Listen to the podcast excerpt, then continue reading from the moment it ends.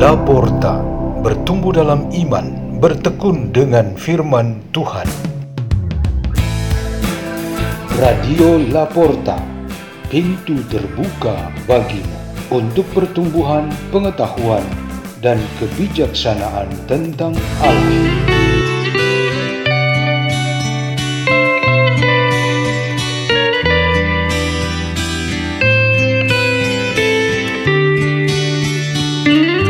Bacaan dan Renungan Sabda Tuhan hari Senin Pekan ke-18 Masa Biasa 1 Agustus 2022 Peringatan Santo Alfonsus Maria di Liguori Uskup dan Pujangga Gereja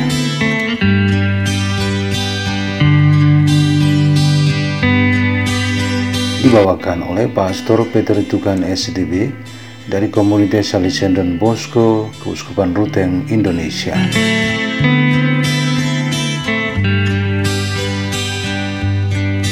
Inilah Injil suci menurut Matius bab 14 ayat 13 sampai 21. Sekali peristiwa setelah mendengar berita pembunuhan Yohanes Pembaptis, menyingkirlah Yesus.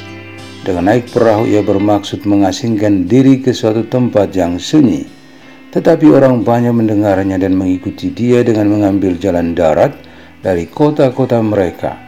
Ketika Yesus mendarat, ia melihat orang banyak yang besar jumlahnya, maka tergeraklah hatinya oleh belas kasihan kepada mereka dan ia menyembuhkan mereka yang sakit. Menjelang malam, para murid Yesus datang kepadanya dan berkata, Tempat ini sunyi dan hari sudah mulai malam, suruhlah orang banyak itu pergi supaya dapat membeli makanan di desa-desa. Tetapi Yesus berkata kepada mereka, mereka tidak perlu pergi, kalian saja memberi mereka makan. Jawab mereka, pada kami hanya ada lima buah roti dan dua ekor ikan. Yesus berkata, bawalah kemari. Lalu disuruhnya orang banyak itu duduk di rumput. Setelah itu ia mengambil kelima buah roti dan kedua ekor ikan itu. Sambil menengadah ke langit diucapkannya doa berkat. Dibagi-baginya roti itu dan diberikannya kepada para murid. Para murid lalu membagi-bagikannya kepada orang banyak. Mereka semua makan sampai kenyang. Kemudian potongan-potongan roti yang sisa dikumpulkan sampai 12 bakul penuh yang ikut makan kira-kira 5.000 orang pria tidak termasuk wanita dan anak-anak. Demikianlah sabda Tuhan.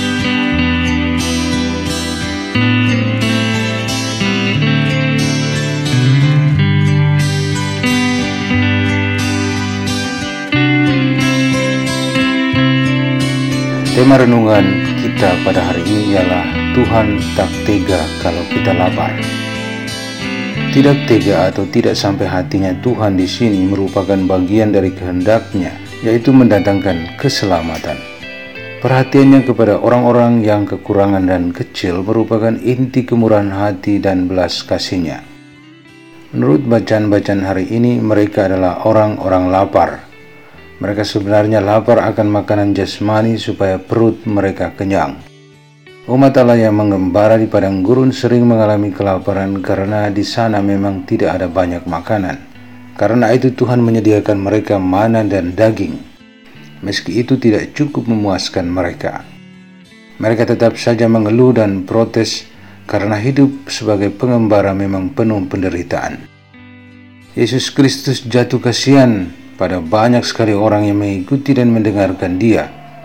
Ketika mereka perlu makan karena keadaan mereka sudah lelah dan lapar, mereka sendiri tidak mempunyai makanan. Tidak teganya Yesus tidak dirasakan juga oleh para rasul, meski mereka kurang yakin kalau Tuhan bisa menyediakan itu.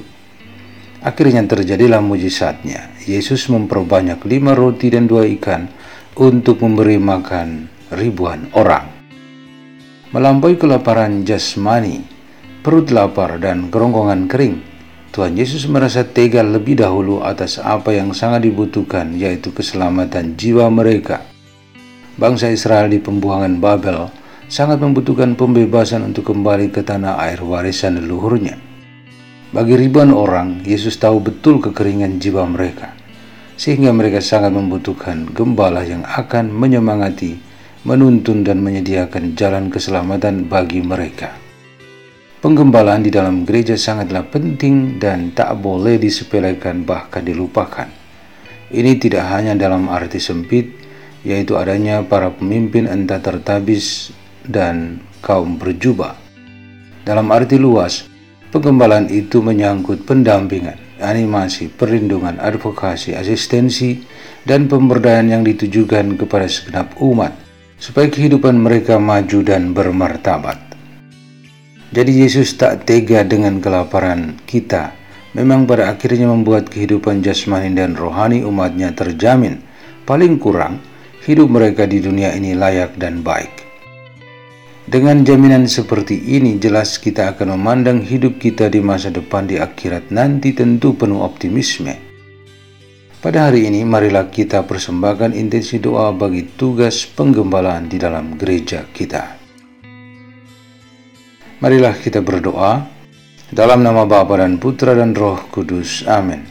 Di dalam kasih dan kemurahan-Mu ya Bapa, kami ingin menaruh segala keperluan kami, khususnya pada hari ini, supaya kami dapat menerima berkat-berkat-Mu dalam sepanjang hari ini.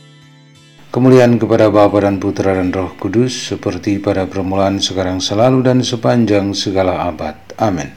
Dalam nama Bapa dan Putra dan Roh Kudus. Amin. Radio Laporta, pintu terbuka bagi